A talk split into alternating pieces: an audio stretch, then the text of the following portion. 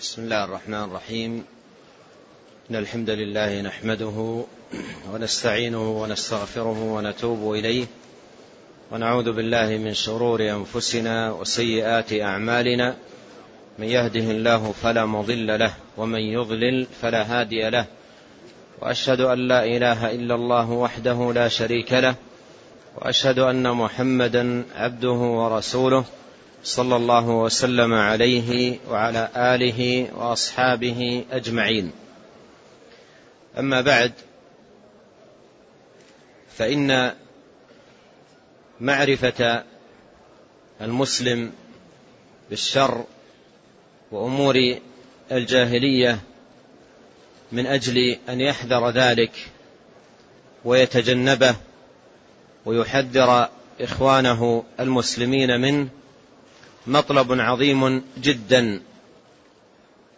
وكثير من الناس إنما أتي حيث وقع في الجهل والضلال والباطل بسبب عدم معرفته بالشر ووسائله وأسبابه. ولهذا قيل قديما كيف يتقي من لا يدري ما يتقي؟ الذي لا يعرف الشر كيف يتقيه. ولهذا جاء في صحيح البخاري عن حذيفة ابن اليمان رضي الله عنه قال كان أصحاب رسول الله صلى الله عليه وسلم يسألونه عن الخير وكنت أسأله عن الشر مخافة أن يدركني. وأهل العلم يقولون إن في تعريف الشر تحذيرا من باطله. وهذه فائدة عظيمة. إن في تعريف الشر تحذيرا من باطله. أي إذا عرف المسلم الشر وعرف خطورته وعرف أضراره عليه في الدنيا والآخرة فإن هذا أعظم عون له بعد الله عز وجل على توقي الشر والحذر منه.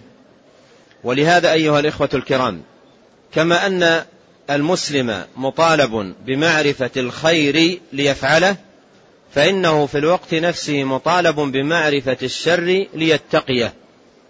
وكما أن كتاب رب ربنا عز وجل بين لنا الخير لنفعله أيضا بين لنا الشر لنجتنبه. وهكذا سنة نبينا صلوات الله وسلامه عليه.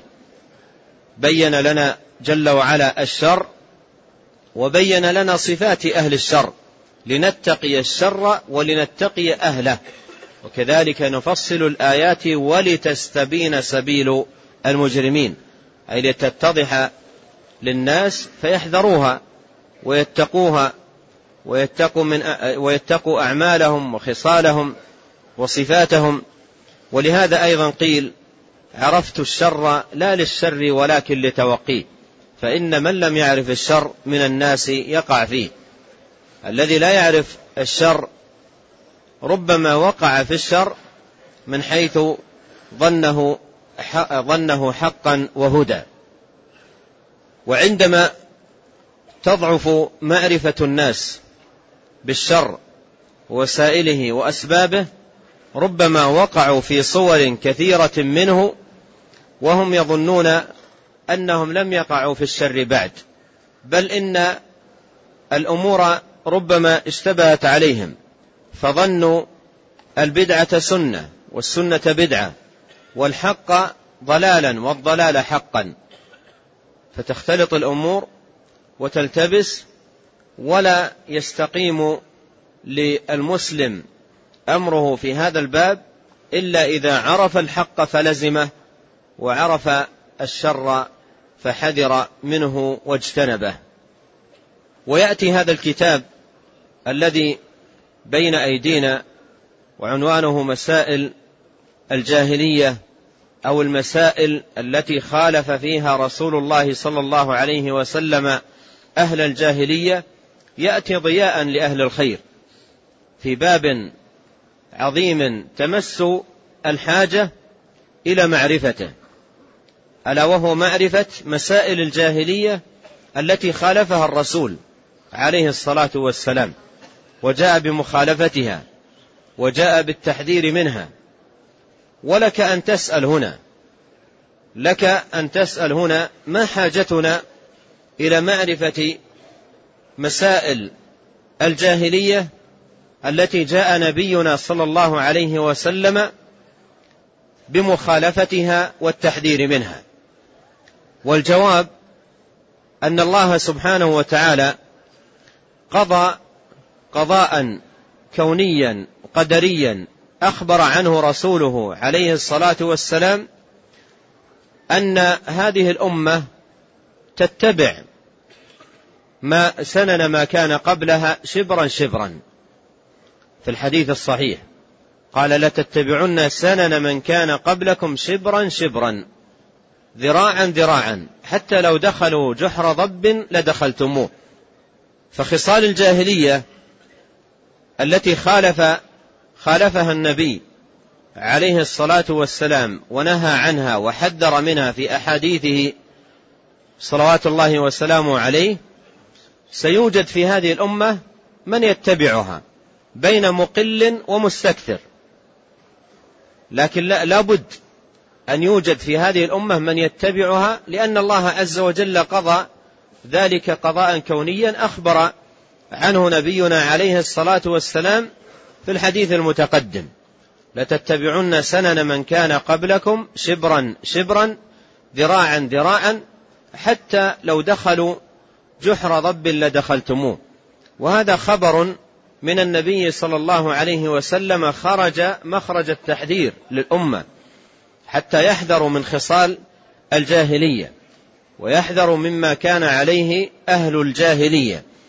ولا يمكن للإنسان أن يحذر خصال الجاهلية إذا لم يكن يعرفها. إذا لم يكن يعرفها. فإذا معرفه خصال الجاهلية من أجل أن نتقيها وأن نحذر منها لا شك أنه من المطالب المهمة ولا سيما في زماننا هذا الذي كثر في الناس اتباع سنن الجاهلية سواء في أبواب العقائد أو في أبواب العبادات أو في أبواب المعاملات والسلوك.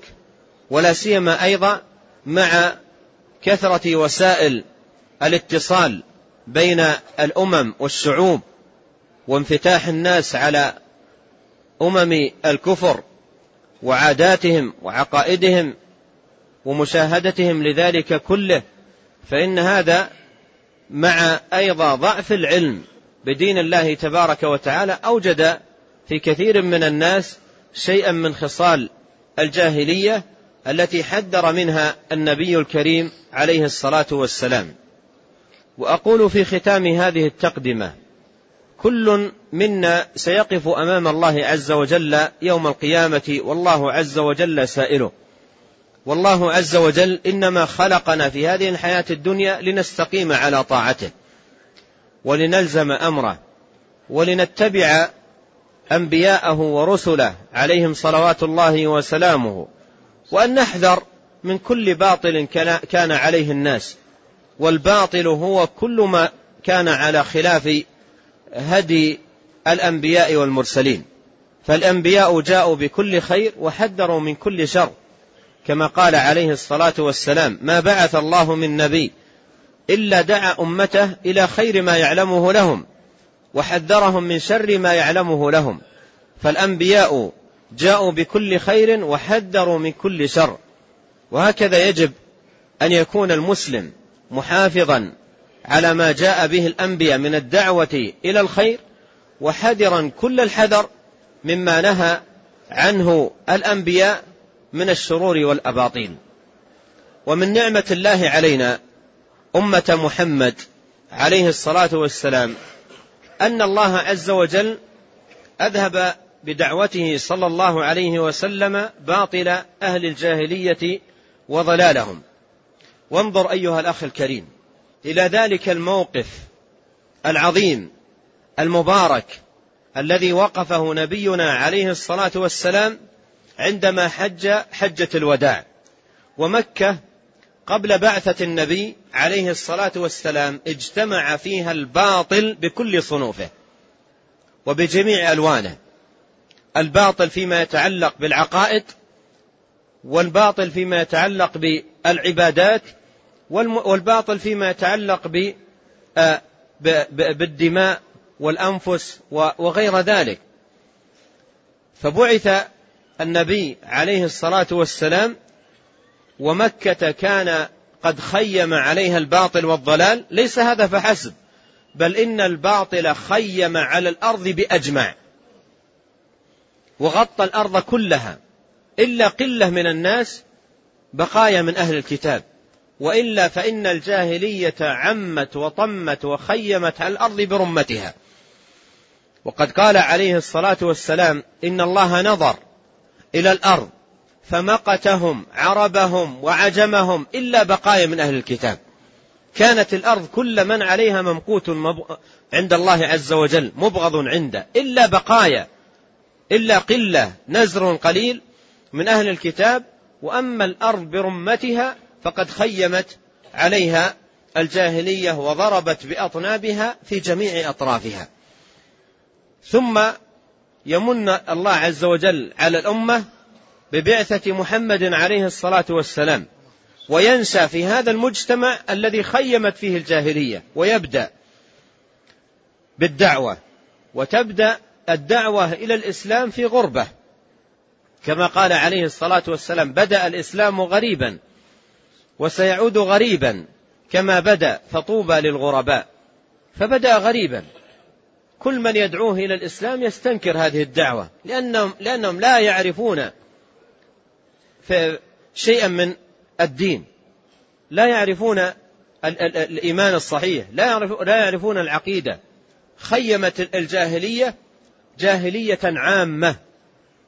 جاهلية عامة طبقت الأرض. إلا بقايا من أهل الكتاب. فبعث عليه الصلاة والسلام في الناس وأخذ يدعو وبدأت الدعوة تنتشر وضياؤها يشع ونورها يضيء وتنتشر في في, في الأرض ويكثر الأتباع إلى أن يشاء الله سبحانه وتعالى ويأتي عليه الصلاة والسلام إلى مكة ويحج ومعه الآلاف على الإسلام وعلى الدين الصحيح. وعلى العقيدة الصحيحة ويخطب في الناس خطبة عظيمة ويقول في تلك الخطبة وهو موضع حديثنا أو موضع شاهدنا لحديثنا يقول في, تلك الخطبة إن كل أمر من أمر الجاهلية موضوع تحت قدمي هاتين. ثم أخذ يفصل في ذكر بعض أمور الجاهلية في الأموال وفي الدماء إلى آخر ذلك. وانظر النعمة استشعر هنا النعمة العظيمة الكبيرة بالإسلام أن مكة التي كانت خيمت عليها الجاهلية وطبقت أطرافها بعد سنوات قلائل بمن الله تبارك وتعالى وفضله يخطب النبي عليه الصلاة والسلام.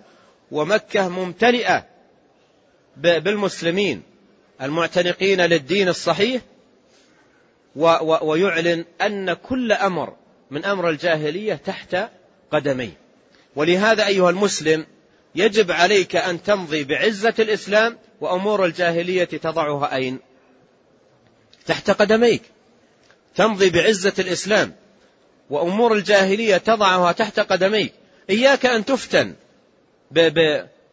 بمشرك أو بيهودي أو بنصراني أو بأي دين من أديان الباطلة. أنت أنت المسلم أنت المسلم أنت الذي تحمل الدين الصحيح الدين الحق. أنت الذي من الله عز وجل عليك بمعرفة الإسلام. فكيف ترضى لنفسك بالدون أن تتشبه بهذا أو ذاك من الكفار الذين لم يعرفوا هذا الدين الصحيح؟ ولهذا كل أمر من أمر الجاهلية ضعه تحت قدميك وامض في حياتك معززا مكرما ماضيا على دينك الصحيح مستقيما عليه.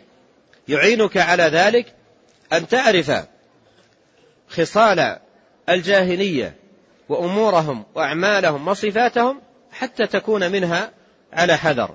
وأسأل الله عز وجل أن يقينا وإياكم وأن يهدينا جميعا سواء السبيل وأن يبصرنا بديننا وأن يعيذنا جميعا من الفتن ما ظهر منها وما بطن وأن يهدينا إليه صراطا مستقيما وأن ينفعنا بهذا الكتاب النافع العظيم كتاب مسائل الجاهلية للشيخ الإمام محمد بن عبد الوهاب رحمه الله تعالى. والآن نشرع في القراءة في هذا الكتاب. نعم.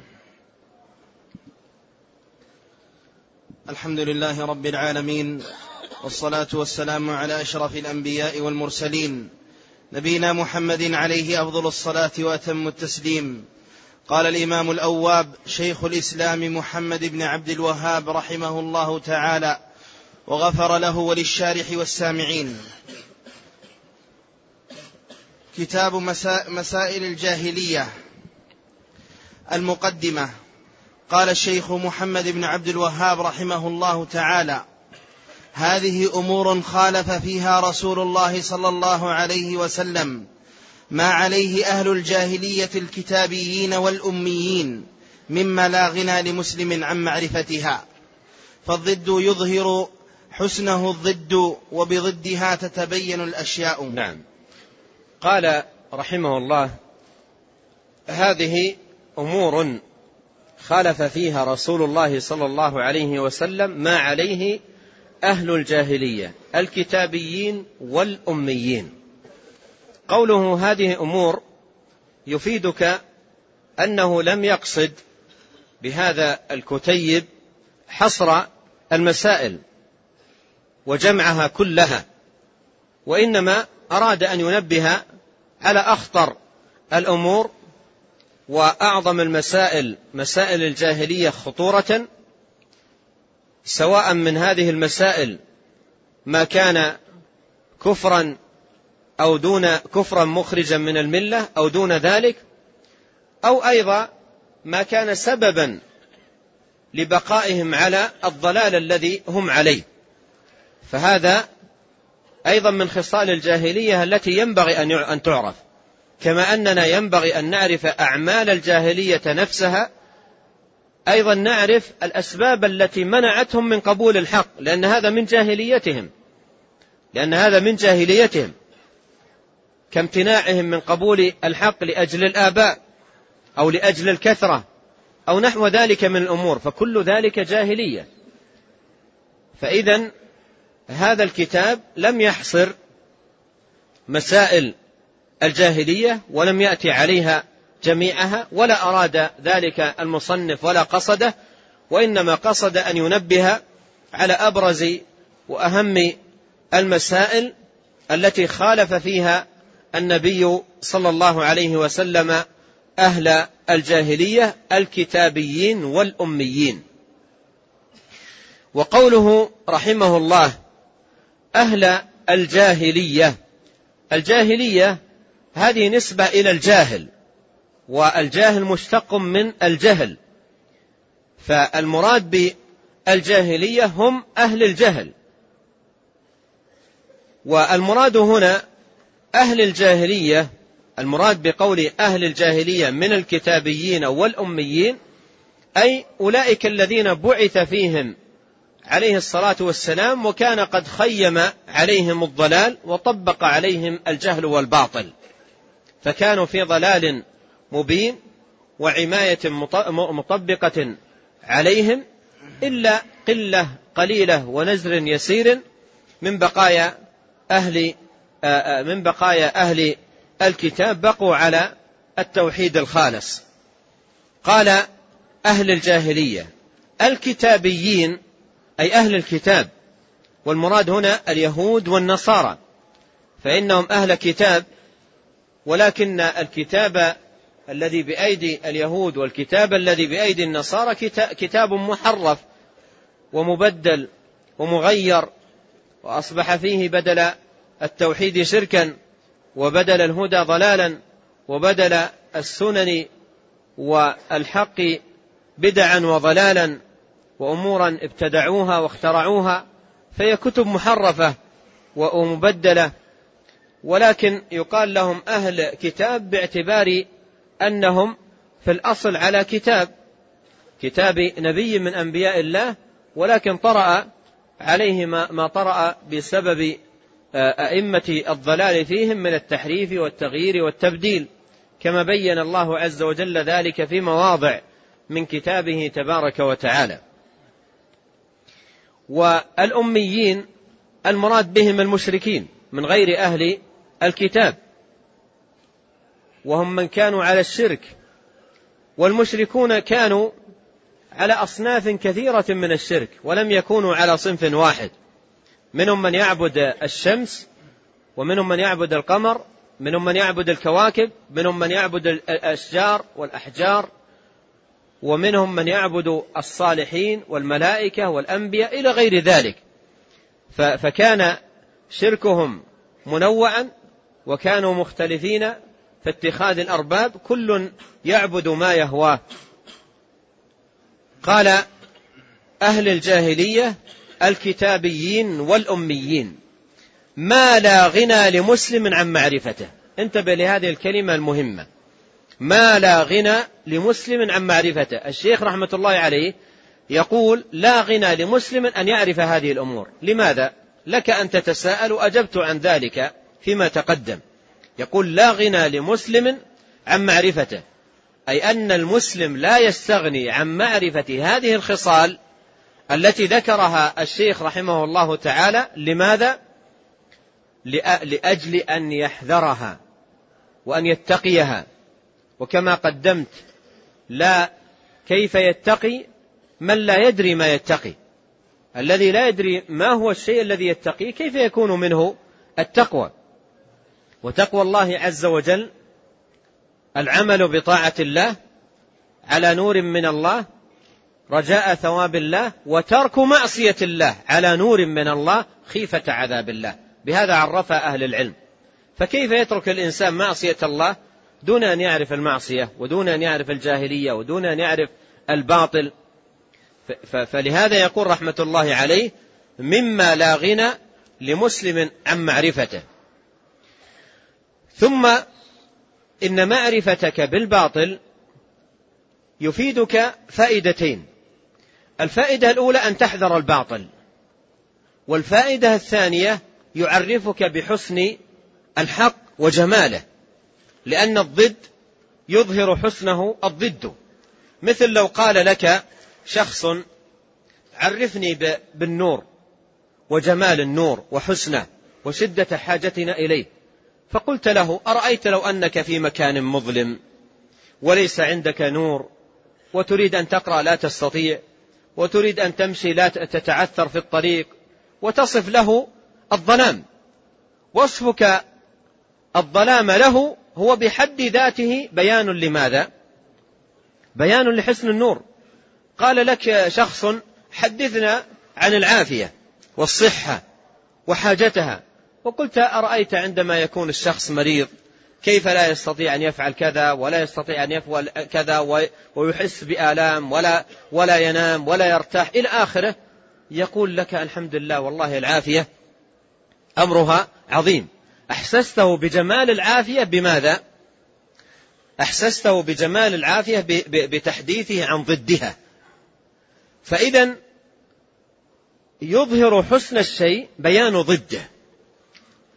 يظهر حسن الشيء بيان ضده. فلو أردت أن تعرف شخصا ما بحسن التوحيد وبينت له قبح الشرك بيانك له قبح الشرك بحد ذاته يعد ماذا؟ بيانا لحسن التوحيد. ولهذا قال الشيخ هنا أورد هذا البيت قال فالضد يظهر حسنه الضد وبضدها تتميز الأشياء. وبضدها تتميز الأشياء.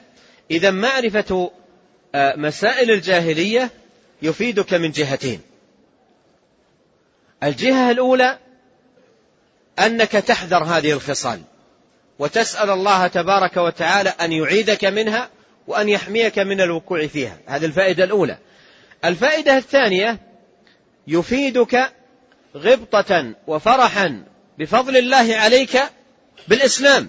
أنت عندما تقرأ هذه الخصال وتستشعر معافاة الله سبحانه وتعالى لك منها ووقايتك منها تقول الحمد لله الذي عافانا من هذه الأمور ومن علينا بالإسلام الصافي والدين النقي فتزداد تمسكا وفرحا بدينك الصحيح الذي من الله تبارك وتعالى عليك به. وهذا أمر يلاحظه الإنسان عندما يرى المبتلين في, في أبدانهم. عندما يرى المبتلى يحس بالعافية يقول الحمد لله الذي عافانا مما ابتلاهم فيه. فهذه فائدة عظيمة أنت إذا قرأت خصال الجاهلية وعرفتها يفيدك أولا اتقاء هذه الخصال والبعد عنها ويفيدك ثانيا معرفة بقدر وقيمة ومكانة الدين العظيم الذي من الله تبارك وتعالى عليك به. قل بفضل الله وبرحمته فبذلك فليفرحوا هو خير مما يجمعون نعم. قال فأهم ما فيها وأشدها خطرا عدم إيمان القلب بما جاء به الرسول صلى الله عليه وسلم فإن انضاف إلى ذلك استحسان ما عليه أهل الجاهلية تمت الخسارة كما قال تعالى والذين آمنوا بالباطل وكفروا بالله أولئك هم الخاسرون. بدأ الشيخ رحمه الله ببداية مهمة بل بقاعدة عظيمة وأصل متين يفيدك في جميع ما سيأتي من مسائل الجاهلية التي ذكرها رحمه الله تعالى محذرا منها. فيقول رحمه الله فأهم ما فيها وأشدها خطرا أهم ما فيها أي الجاهلية ومسائل الجاهلية وأشدها خطرا عدم إيمان القلب بما جاء به الرسول صلى الله عليه وسلم. إلى آخر كلامه. أولا, هو أولا هذا يفيدنا فائدة مهمة في هذا الموضوع ألا وهي أن خصال الجاهلية التي كانوا عليها وجاء الإسلام بمحاربتها ليست على مستوى واحد متفاوتة. بعضها أخطر من بعض. ولهذا قال لك شيخنا فأهم ما فيها وأشدها خطرا. إذا هي ليست في الخطورة على درجة واحدة بل متفاوتة في الخطورة. منها ما هو كفر أكبر ناقل من ملة الإسلام ومنها ما هو دون ذلك. ليس كفرا أكبر وإنما هو من كبائر الذنوب وعظائم الآثام لكنه ليس مخرجا من من ملة الإسلام. إذا خصال الجاهلية متفاوتة. أخطر شيء في خصال الجاهلية يقول الشيخ عدم إيمان القلب بما جاء به الرسول عليه الصلاة والسلام. هذا أخطر ما يكون. عندما يكون قلب الإنسان ليس مؤمنا بما جاء به الرسول عليه الصلاة والسلام سواء كل ما جاء به أو ليس مؤمنا ببعض ما جاء به ليس عنده قناعات. هذه جاهلية. خطيرة جدا. عندما يقول بعض الناس أنا لست مقتنع بكذا من أمور جاء بها الرسول عليه الصلاة والسلام. هذا نوع من الجاهلية يصاب به قلب أو قلوب بعض الناس عدم إيمان القلب. والقلب هو الأساس. القلب هو الأساس. كما قال عليه الصلاة والسلام ألا إن في الجسد مضغة. إذا صلحت صلح الجسد كله. وإذا فسدت فسد الجسد كله ألا وهي القلب. يقول أبو هريرة في كلام له فيه توضيح لهذا الحديث يقول القلب ملك والأعضاء جنوده فإذا طاب الملك طاب الجند وإذا خاب الملك خاب الجند مع أن هذا الأمر ليس بمضطرد يعني قد يطيب الملك ويفسد بعض الجند وقد يخيب الملك ويصلح بعض الجند. أما القلب إذا صلح لا يمكن أن تتخلف القلوب الجوارح عن مراده. وإذا فسد أيضا هي تبع له. فهو الآمر الناهي الموجه آه، وبقية الجوارح هي تبع له. فإذا كان قلب الإنسان والعياذ بالله لم يؤمن بما جاء به الرسول أو ببعض ما جاء به الرسول. كيف يكون فعله للخير وعنايته به؟ إذا كان القلب نفسه غير مؤمن بما جاء به الرسول صلى الله عليه وسلم. ولهذا أعظم أساس في في بابنا هذا باب الحذر من من من خصال الجاهلية أن يجتهد المسلم في عمارة قلبه بحب ما جاء به الرسول. عليه الصلاة والسلام وحب دينه وحبه هو صلى الله عليه وسلم وأن يرضى قلبه بذلك. ذاق طعم الإيمان. من رضي بالله ربا وبالإسلام دينا وبمحمد صلى الله عليه وسلم رسولا وأن يبغض كل ما خالف ذلك. وخذها قاعدة. خذها قاعدة عندك. كل ما خالف هدي النبي صلى الله عليه وسلم فهو جاهلية. لأن الحق والهدى بينه النبي عليه الصلاة والسلام بيانا تاما. اقرأ ذلك في قوله اليوم أكملت لكم دينكم وأتممت عليكم نعمتي ورضيت لكم الإسلام دينا. فكل ما خالف هديه عليه الصلاة والسلام فهو جاهلية. لأن الأمور إما حق أو باطل والحق كله بينه النبي عليه الصلاة والسلام وماذا بعد الحق إلا الضلال؟ وقل جاء الحق. وزهق الباطل. إن الباطل كان زهوقا. الحق هو ما جاء به صلوات الله وسلامه عليه. إذا أخطر ما يكون على الإنسان في هذا الباب عدم إيمان قلبه بما جاء به الرسول عليه الصلاة والسلام. يقول المصنف فإن انضاف إلى ذلك استحسان ما عليه أهل الجاهلية. استحسان ما عليه أهل الجاهلية. تمت الخسارة. إذا اجتمع في الشخص أمرين. الأمر الأول عدم الإيمان أو عدم القناعة القلبية بما جاء به الرسول. والأمر الثاني يستحسن ما عليه أهل الجاهلية مثل ما يقال معجب بهم وبصفاتهم وبهيئاتهم وبتعاملاتهم وبأحوالهم وبأمورهم وبأعيادهم وإلى آخره. معجب بهم. ويتتبع ما هم عليه. يتتبع ما هم عليه. حتى إن بعض الناس من شدة ما شدة تتبعه لما عليه أهل الجاهلية يحرص ألا يفوت التتبع لما عليه أهل الجاهلية شبرا شبرا. خطوة خطوة. كلما خطوا خطوة في السفه والغي والضلال خطاها معهم وتابعهم عليها. يستحسن ما عليه أهل الجاهلية. وهذه فتنة تصاب بها بعض القلوب نسأل الله العافية.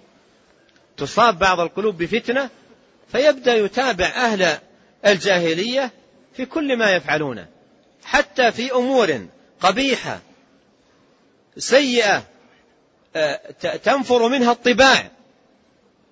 تجده يتابعهم فيها.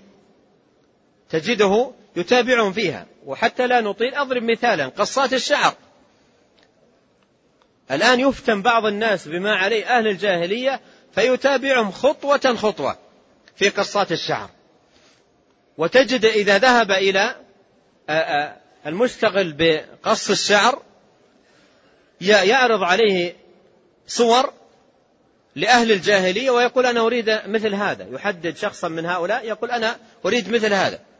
والآخر يقول لا أنا أريد هذا أفضل. والثاني يقول لا أنا أريد. ثم ثم يحلقون شعورهم حلقا محرما. النبي صلى الله عليه وسلم نهى عن القزع. وكل أعمال الجاهلية في حلق الشعر نوع من هذا القزع الذي نهى عنه النبي عليه الصلاة والسلام. فتجد لا يفعل الذي وجه إليه النبي عليه الصلاة والسلام ويتابع أهل الجاهلية في أمور تنفر منها الطباع السليمة. وبدون مبالغة بعض قصات الشعر التي يفعلها بعض أبناء المسلمين مقلدين أهل الجاهلية بها قصات بشعة جدا. إذا رآها الإنسان الذي عنده فطرة سليمة إن سلمه الله وإلا يكاد يستفرغ من المنظر الذي يراه من قبحه وشناعته. ولكن لفساد القلوب وتلوث العقول والفتنة باتباع الجاهلية لا يبالي لا يبالي باتباعهم. هذا مثال وقس عليه أمثلة كثيرة جدا تفشو في الناس بسبب فتنة القلوب باستحسان ما عليه أهل الجاهلية. باستحسان ما عليه أهل الجاهلية. فإذا كان الإنسان يستحسن ما عليه أهل الجاهلية وفي الوقت نفسه لا يرتاح لما جاء به الرسول عليه الصلاة والسلام لا تسأل عن هلكته وخسرانه. ولهذا قال المصنف هنا تمت الخسارة. تمت الخسارة. إذا اجتمع في الشخص أمران. الأمر الأول عدم الإيمان بما جاء به الرسول عليه الصلاة والسلام. والأمر الثاني استحسان ما عليه أهل الجاهلية سواء في أقوالهم أو في أفعالهم أو عقائدهم. كما قال الله تبارك وتعالى والذين آمنوا بالباطل وكفروا بالله أولئك هم الخاسرون. انظر الآية وشاهدها لكلام المصنف. المصنف ذكر أمرين تتم بهما الخسارة. الأمر الأول عدم الإيمان بما جاء به الرسول. والأمر الثاني اتباع ما عليه أهل الجاهلية. النتيجة تمام الخسران. والآية تنص على ذلك. قال الذين آمنوا بالباطل أي استحسنوا ما عليه أهل الجاهلية وكفروا بالله أي لم يؤمنوا بما جاء به الرسول عليه الصلاة والسلام أولئك هم الخاسرون أي أولئك الذين تمت خسارتهم. نعم. قال رحمه الله تعالى المسألة الأولى أنهم يتعبدون بإشراك الصالحين في دعاء الله وعبادته يريدون شفاعتهم عند الله لظنهم أن الله يحب ذلك وأن الصالحين يحبونه كما قال تعالى ويعبدون من دون الله ما لا يضرهم ولا ينفعهم ويقولون هؤلاء ويقولون هؤلاء شفعاؤنا عند الله. بدأ رحمه الله تبارك وتعالى بالمسألة الأولى. وبدأ بها لأنها كبرى هذه المسائل وأخطرها وأشدها ضررا على الناس. قال المسألة الأولى أنهم أي أهل الجاهلية سواء أهل الكتاب أو المشركين الأميين قال أنهم يتعبدون بإشراك الصالحين في دعاء الله وعبادته.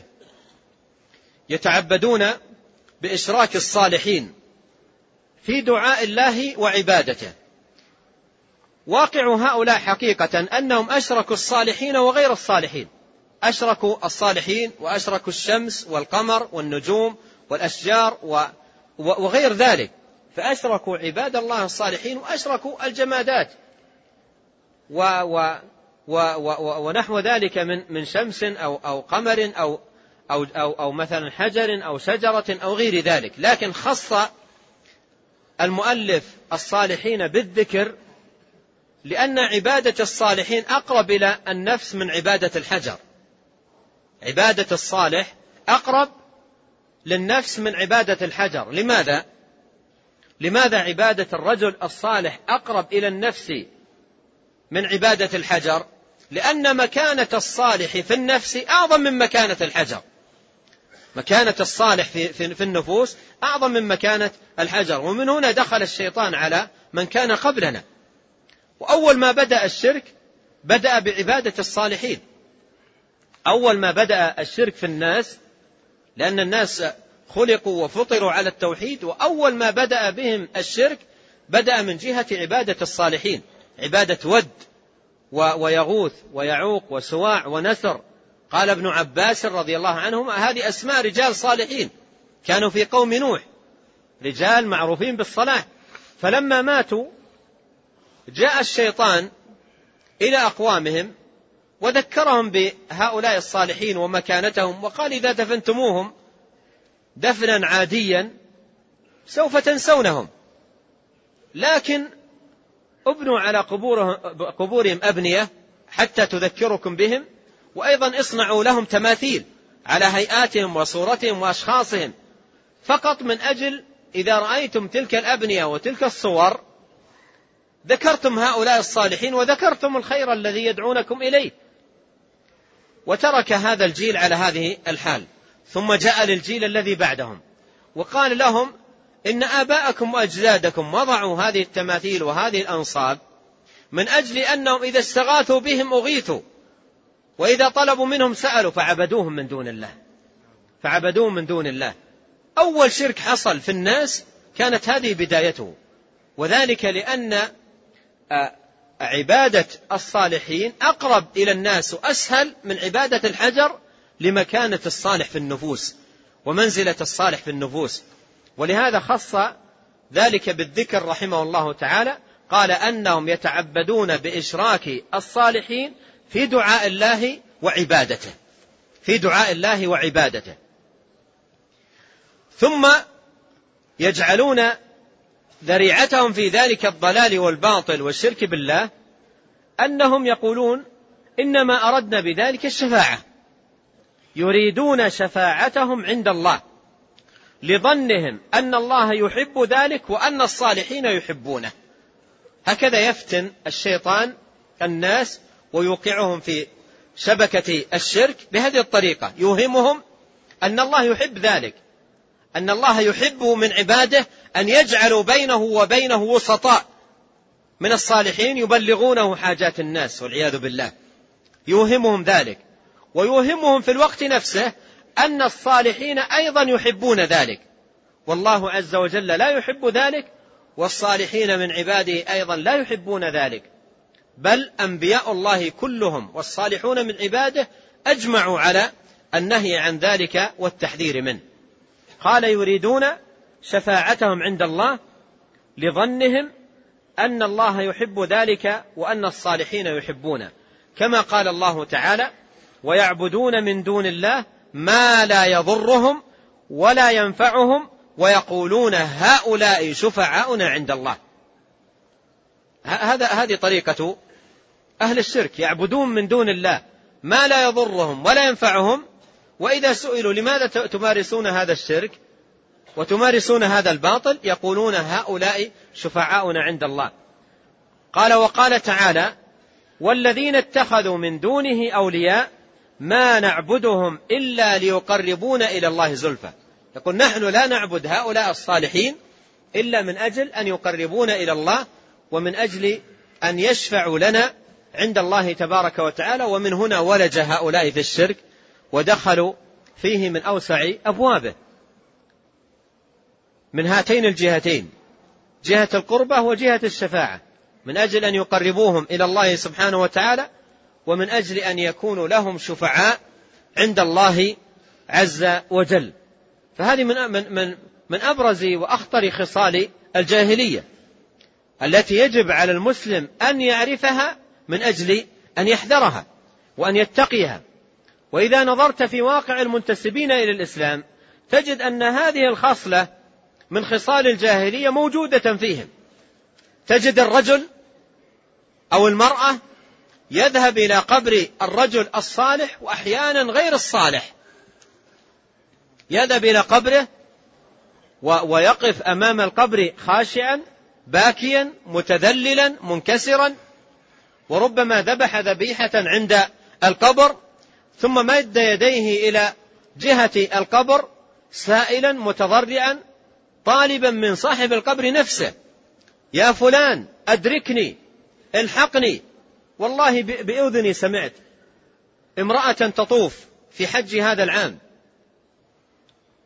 وهي إلى جنب بيت الله تبارك وتعالى وتنادي بصوت عالي دخيلك يا محمد الحقني يا محمد. والنبي عليه الصلاة والسلام يقول إذا سألت فاسأل فاسأل الله. وإذا استعنت فاستعن بالله واعلم أن الأمة لو اجتمعوا على أن ينفعوك بشيء لن ينفعوك إلا بشيء قد كتبه الله لك. ولو اجتمعوا على أن ينفعوك بشيء لن ينفعوك إلا بشيء كتبه الله عليك. رفعت الأقلام وجفت الصحف.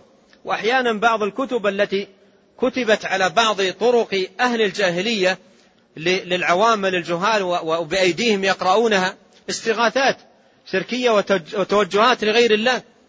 حتى قرأت في بعضها كتب فيها دعاء يقال عند زيارة قبر أحد الأولياء قالت تقف عنده تذهب إليه متطهرا وتقف أمام قبره خاشعا خشوعك في الصلاة وتنحني قليلا إلى جهته ثم تنادي تناديه باكيا يا سيدي فلان أنا ببابك أنا لائذ بجنابك أنا واقف بأعتابك إن لم تأخذ بيدي من الذي يأخذ بيدي؟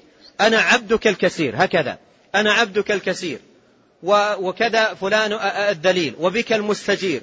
وإلى آخره. هذا ما هو؟ أي شيء هذا؟ أليس هذا هو أبرز خصلة كانت في الجاهلية؟ وبعث نبينا عليه الصلاة والسلام لمحاربتها وتخليص الناس منها؟ ثم يأتي دعاة الباطل إلى هؤلاء ويقول لهم هذا العمل هو العمل الصحيح الذي تقوم به هذه شفاعة. أنتم تنادون هؤلاء وتستغيثون بهم من أجل أن يشفعوا لكم عند الله. فرجعوا إلى الأمر نفسه ويعبدون من دون الله ما لا ينفعهم ولا يضرهم ما لا يضرهم ولا ينفعهم ويقولون هؤلاء شفعاؤنا عند الله. رجعوا إلى الأمر نفسه. إلا ليقربونا إلى الله زلفى. ولهذا لما جهل الناس هذه الخصلة من خصال الجاهلية وقع بعضهم وعدد منهم فيها من حيث يظنون أنهم على الحق وعلى الهدى. قال وهذا وهذه أعظم مسألة. قرأت هذا؟ نعم. وقال تعالى والذين اتخذوا من دونه أولياء ما نعبدهم إلا ليقربونا إلى الله زلفى. وهذه أعظم مسألة خالفهم فيها رسول الله صلى الله عليه وسلم فأتى بالإخلاص وأخبر أنه دين الله الذي أرسل به جميع الرسل وأنه لا يقبل من الأعمال إلا الخالص وأخبر أن أن من فعل ما استحسنوا فقد حرم الله عليه الجنة ومأواه النار. وهذه هي المسألة وهذه وهذه هي المسألة التي تفرق وهذه قال هنا وهذه هي كأنها أقرب. نعم.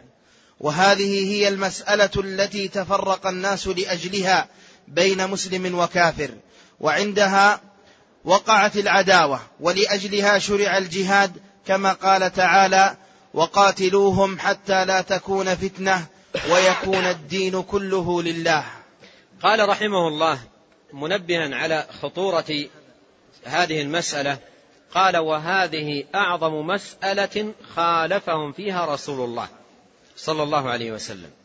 أعظم مسألة خالفهم فيها رسول الله صلى الله عليه وسلم. وهنا يتألم المسلم الناصح غاية الألم إذا وجد أن أعظم مسألة خالف فيها الرسول صلى الله عليه وسلم يوجد في المنتسبين للإسلام من يمارسها. يوجد في المسلم في المنتسبين إلى الإسلام من يمارسها. هي بعينها بنفس العمل الذي كان يمارسه أولئك. قال وهذه أعظم مسألة خالفهم فيها رسول الله صلى الله عليه وسلم فأتى بالإخلاص. أي أتى بالإخلاص بدل الشرك الذي كانوا عليه والتنديد الذي كانوا يمارسونه. فأتى بالإخلاص والإخلاص هو إفراد الله تبارك وتعالى بالعبادة. لأن الإخلاص في اللغة من الخالص وهو الصافي النقي بمعنى أن تكون العبادة من دعاء واستغاثة ورجاء وذبح وغير ذلك لله رب العالمين لا شريك له. كما قال الله عز وجل قل إن صلاتي ونسكي ومحياي ومماتي لله رب العالمين لا شريك له وبذلك أمرت وأنا أول المسلمين. فبعث عليه الصلاة والسلام بالإخلاص. قال تعالى وما أمروا إلا ليعبدوا الله مخلصين له الدين. قال جل وعلا ألا لله الدين الخالص. والآيات في هذا المعنى كثيرة. وأخبر أنه دين وأنه دين الله الذي أرسل به جميع الرسل. كما قال تعالى واسأل من أرسلنا من قبلك من رسلنا أجعلنا من دون الرحمن آلهة يعبدون. كما قال جل وعلا ولقد بعثنا في كل أمة رسولا أن اعبدوا الله واجتنبوا الطاغوت. وكما قال جل وعلا واذكر أخا عاد إذ أنذر قومه بالأحقاف وقد خلت النذر من بين يديه ومن خلفه ألا تعبدوا إلا الله. أي كلهم على هذا الأصل ألا تعبدوا إلا الله. وقال تعالى وما أرسلنا من قبلك من رسول إلا نوحي إليه أنه لا إله إلا أنا فاعبدون. وفي الحديث الصحيح قال صلى الله عليه وسلم نحن الأنبياء أبناء علات ديننا واحد وأمهاتنا شتى. أي عقيدتنا واحدة عبادة الله عز وجل مخلصين له الدين. وأمهاتنا شتى أي الأعمال والشرائع قد تختلف من نبي إلى آخر كما قال عز وجل لكل جعلنا منكم شرعة ومنهاجا. قال وأنه لا يقبل من الأعمال إلا الخالص. أنه لا يقبل أي الله عز وجل من الأعمال إلا الخالص. ولهذا قال في القرآن إن الله لا يغفر أن يشرك به ويغفر ما دون ذلك لمن يشاء. وقال عز وجل في الحديث القدسي أنا أغنى الشركاء عن الشرك. من عمل عملا أي أي عمل كان دعاء رجاء ذبح نذر صلاة صيام حج من عمل عملا عملا هنا نكرة في هذا السياق فهي تعم كل عمل. من عمل عملا أشرك معي فيه غيري أيضا غيري هنا تشمل كل أحد سواه تبارك وتعالى تركته وشركه. من عمل عملا أي أي عمل من الأعمال أشرك معي معه غير أشرك مع الله فيه غيره أيا كان هذا الغير تركه الله عز وجل وشركه. وهذا يدل على أن الله عز وجل لا يقبل من العمل إلا ما كان خالصا لوجهه وابتغاء مرضاته سبحانه وتعالى. وأخبر أي, علي أي النبي عليه الصلاة والسلام أن من فعل ما, ما استحسنوا فقد حرم الله عليه الجنة ومأواه النار. وأخبر أي النبي عليه الصلاة والسلام أن من فعل ما استحسنوا أي ما استحسنوا أهل الجاهلية من تلك العبادات الباطلة واتخاذ الأنداد من الصالحين والأولياء أو غيرهم فقد حرم الله عليه الجنة ومأواه النار. وهذا دل عليه القرآن ودلت عليه السنة. في القرآن قال تعالى إنه من يشرك بالله فقد حرم الله عليه الجنة ومأواه النار وما للظالمين من أنصار. وفي السنة قال عليه الصلاة والسلام من مات وهو يدعو من دون الله ندا دخل النار. والأحاديث في هذا المعنى كثيرة. ثم قال رحمه الله وهذه المسألة التي وهذه المسألة التي تفرق الناس لأجلها بين مسلم وكافر. هذه المسألة التي تفرق الناس لأجلها بين مسلم وكافر. المسلم هو المخلص والكافر هو المتخذ للأنداد بأي صيغة كانت وبأي مبرر كان. اتخاذ الأنداد شرك سواء سماه من مارسه شفاعة أو سماه قربة أو سماه توسلا أو سماه بأي اسم كان الشرك يبقى شركا وإن غير مسماه تغيير المسميات لا يغير الحقائق. هذه قاعدة. الآن مثلا لو أن شخصا سمى الربا فوائد بنكية. لا يشمله قول الله تعالى يمحق الله الربا أو يشمله أو أو شخص سمى الرشوة التي لعن النبي صلى الله عليه وسلم فاعلها لعن الله الراشي والمرتشي. قال هذه يا أخي إكرامية. هل تسميته إكرامية؟ يلغي الحكم واللعن الذي ورد في الحديث؟ لا. تغي... أيضا الخمر. يقول مشروبا روحيا. هذه مشروبات روحية. هل, هل هذا الحكم أو هذه التسمية تلغي الحكم؟ لا. أيضا شخص يمد يديه إلى غير الله ويقول أنا لا أذن بك أنا منكسر ب ب ب عند بابك. أنا لا أذن بجنابك. أنقذني أدركني إلحقني إلى آخره. وإذا قيل له ما هذا؟ قال هذا توسل. هل يلتغي الحكم لكونه سمى هذا الشرك توسلا؟ فتغيير الأسماء لا يغير الحقائق. تغيير الأسماء لا يغير الحقائق. الشرك شرك وإن غير اسمه حتى وإن سماه صاحبه شفاعة أو توسلا. العبادة ومنها الدعاء حق لله لا يدعى إلا الله. إذا سألت فاسأل الله وإذا استعنت فاستعن بالله. هذا أصل لا لا نزاع فيه وأمر واضح بين. فمن دعا غير الله واستغاث بغير الله و ولجأ إلى غير الله تبارك وتعالى فيما لا يقدر عليه إلا الله جل وعلا فهذا اتخذ ندا مع الله تبارك وتعالى ولا يعفيه من من تبعة ذلك كونه يسميه توسلا أو يسميه شفاعة أو يسميه قربة أو غير ذلك من الأسماء. قال وهذه المسألة التي تفرق الناس لأجلها بين مسلم وكافر. المسلم هو المخلص والكافر هو الذي اتخذ مع الله الأنداد والشركاء. ولهذا في تمام الآية الأولى والذين اتخذوا من دون أولياء ما نعبدهم إلا ليقربونا إلى الله زلفى قال في تمام إن الله لا يهدي من هو كاذب كفار سمى عملهم هذا كفرا بالله تبارك وتعالى. قال وعندها وقعت العداوة. عند هذه المسألة وقعت العداوة. بين من ومن؟ بين النبي صلى الله عليه وسلم وبين المشركين. لأن النبي عليه الصلاة والسلام دعاهم ليخلصوا العبادة لله جل وعلا ويوحدوا الله بالعبادة ويتركوا عبادة الأنداد من الصالحين والملائكة والأنبياء والأشجار والأحجار وغيرها. وقال لهم قولوا لا إله إلا الله تفلحوا داعيا لهم إلى التوحيد والإخلاص. فماذا كان الجواب؟ قالوا أجعل الآلهة إلها واحدا إن هذا لشيء عجاب. وأيضا تواصوا بينهم على البقاء على تلك العبادة الباطلة. وانطلق الملأ منهم أن امشوا واصبروا على آلهتكم إن هذا لشيء يراد. ما علمنا بهذا في الملة الآخرة إن هذا إلا اختلاق. هذا افتراء. ما علمنا في الملة الآخرة. وسيأتي ذكر هذا الأمر من مسائل الجاهلية. يستدلون على الباطل الذي هم عليه بأنهم ما عرفوه في الملة الآخرة. أي ما عرفوه في من سبقهم. بعض الناس ينكر عليه بعض الشرك أو بعض البدع ويقول منذ نشأنا والآباء والأجداد ما, ما نعرف هذا الذي تدعو إليه. فيرفض التوحيد ويرفض السنة بحجة أنه ماذا؟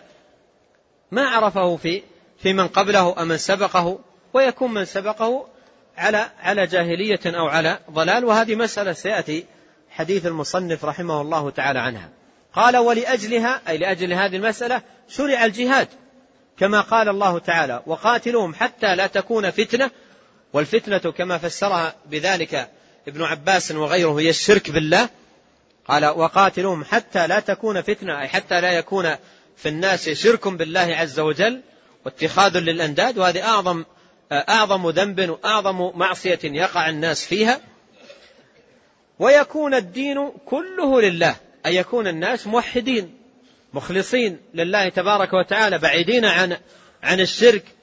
قاتلوهم من أجل ماذا؟ من أجل أن لا تكون فتنة أي لا يكون شرك بالله عز وجل ويكون الدين كله لله. الشاهد أن هذه هي المسألة الأولى وهي أعظم المسائل وكبرى المسائل التي خالف النبي عليه الصلاة والسلام أهل الجاهلية والواجب على المسلم أن يعرف هذه المسألة.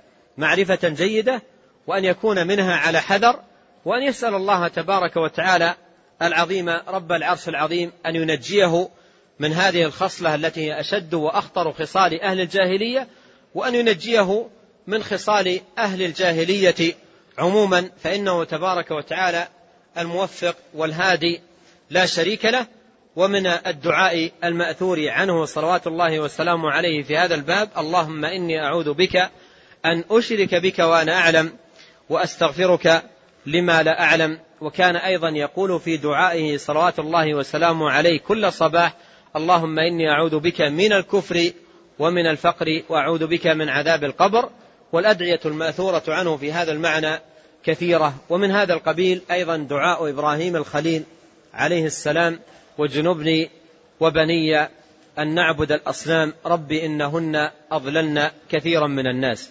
نسأل الله عز وجل بأسماء الحسنى وصفاته العليا أن يبصرنا أجمعين بديننا وأن يهدينا سواء السبيل وأن يعيذنا من خصال الجاهلية وأن يصلح لنا ديننا الذي هو عصمة أمرنا وأن يصلح لنا دنيانا التي فيها معاشنا وأن يصلح لنا آخرتنا التي فيها معادنا وأن, وأن يجعل الحياة زيادة لنا في كل خير والموت راحة لنا من كل شر وأن يصلح ذات بيننا وأن يؤلف بين قلوبنا وأن يهدينا سبل السلام وأن يخرجنا من الظلمات إلى النور وأن يبارك لنا في أسماعنا وأبصارنا وأزواجنا وذرياتنا وأموالنا وأن يجعلنا أجمعين مباركين أينما كنا وأن يغفر لنا ولوالدينا وللمسلمين والمسلمات والمؤمنين والمؤمنات الأحياء منهم والأموات ونسأله تبارك وتعالى بأسماء الحسنى وصفاته العليا وبأنه الله الذي لا إله إلا هو الذي وسع كل شيء رحمة وعلما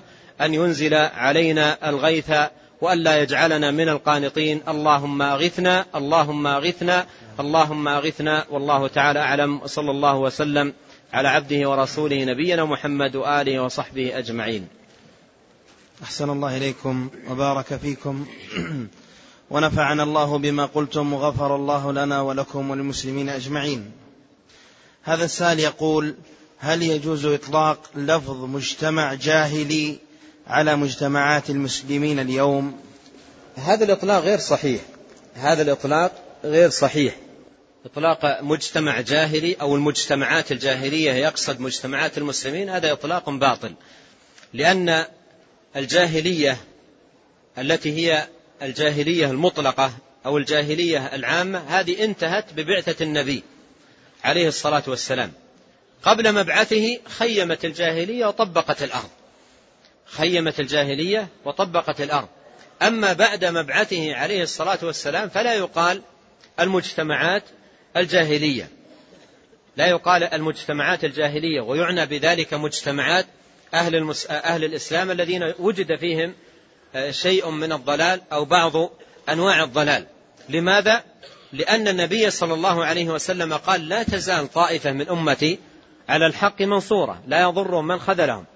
فإذا قال آه، آه، يعني الإسلام والمسلمين وديار الإسلام والمسلمين قال مجتمعات الجاهلية هو بذلك يلغي الطائفة المنصورة التي أخبر النبي عليه الصلاة والسلام أنها لا تزال باقية لا تزال باقية. إلى أن تقوم الساعة. لا, لا يزال الحق باقي ولا يزال له أنصار.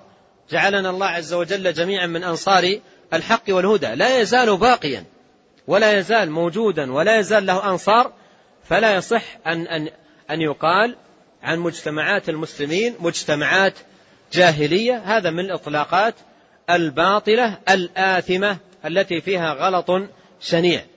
أما أن يقول عن بعض المسلمين أو بعض المنتسبين إلى الإسلام هؤلاء فيهم جاهلية أو فشت فيهم أعمال الجاهلية أو وجد فيهم من خصال الجاهلية أو, أو هذه جاهلية في, في هؤلاء أو يعين أمكنة معينة فعلا طبقت فيها الجاهلية.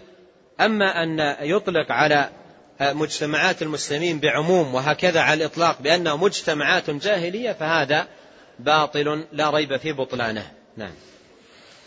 حسن الله إليكم. هذا السائل يقول سمعت رجلا أمام قبر النبي صلى الله عليه وسلم بعد أن سلم عليه قال نفسي الفدا لقبر أنت ساكنه فيه العفاف وفيه الجود والكرم.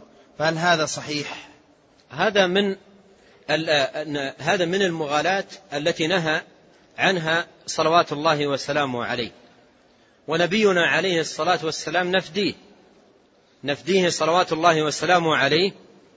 بأنفسنا وآبائنا وأمهاتنا صلوات الله وسلامه عليه وحق علينا نصرته صلى الله عليه وسلم ونصرة دينه والحق الذي جاء به صلوات الله وسلامه عليه. هذا حق أمر الله عز وجل به في كتابه وجاء موضحا في سنة نبيه صلوات الله وسلامه عليه. أما المغالاة والإطراء وجعل قبره صلى الله عليه وسلم عيدا أو موردا لذكر المدائح وإنشاد القصائد ونحو ذلك. هذا مما لا أصل له في شريعة الإسلام وبما جاء عن النبي عليه الصلاة والسلام. والذي جاء عنه صلى الله عليه وسلم في هذا الباب عندما أذن بزيارة القبور قال كنت نهيتكم عن زيارة القبور ألا فزوروها؟ أذن في ذلك من أجل تذكر الآخرة ومن أجل السلام على من فيها والدعاء لهم. قال الصحابة ماذا نقول؟ عند زيارة القبور قال تقولون السلام عليكم أهل الديار من المؤمنين والمسلمين. أنتم السابقون ونحن إن شاء الله بكم لاحقون. نسأل الله لنا ولكم العافية. ثم آه، آه، إن الصحابة عندما كانوا يزورون قبره كانوا يزورونه الزيارة المشروعة مثل ما كان ابن عمر يقول إذا زار قبر النبي عليه الصلاة والسلام السلام عليك يا رسول الله السلام عليك يا أبا بكر السلام عليك يا أبتاه ثم ينصرف. ولا يجعلون القبر عيدا ولا يقولون هجرا عند القبور وقد نهى عليه الصلاة والسلام عن ذلك. قال زوروا القبور ولا تقولوا هجرا.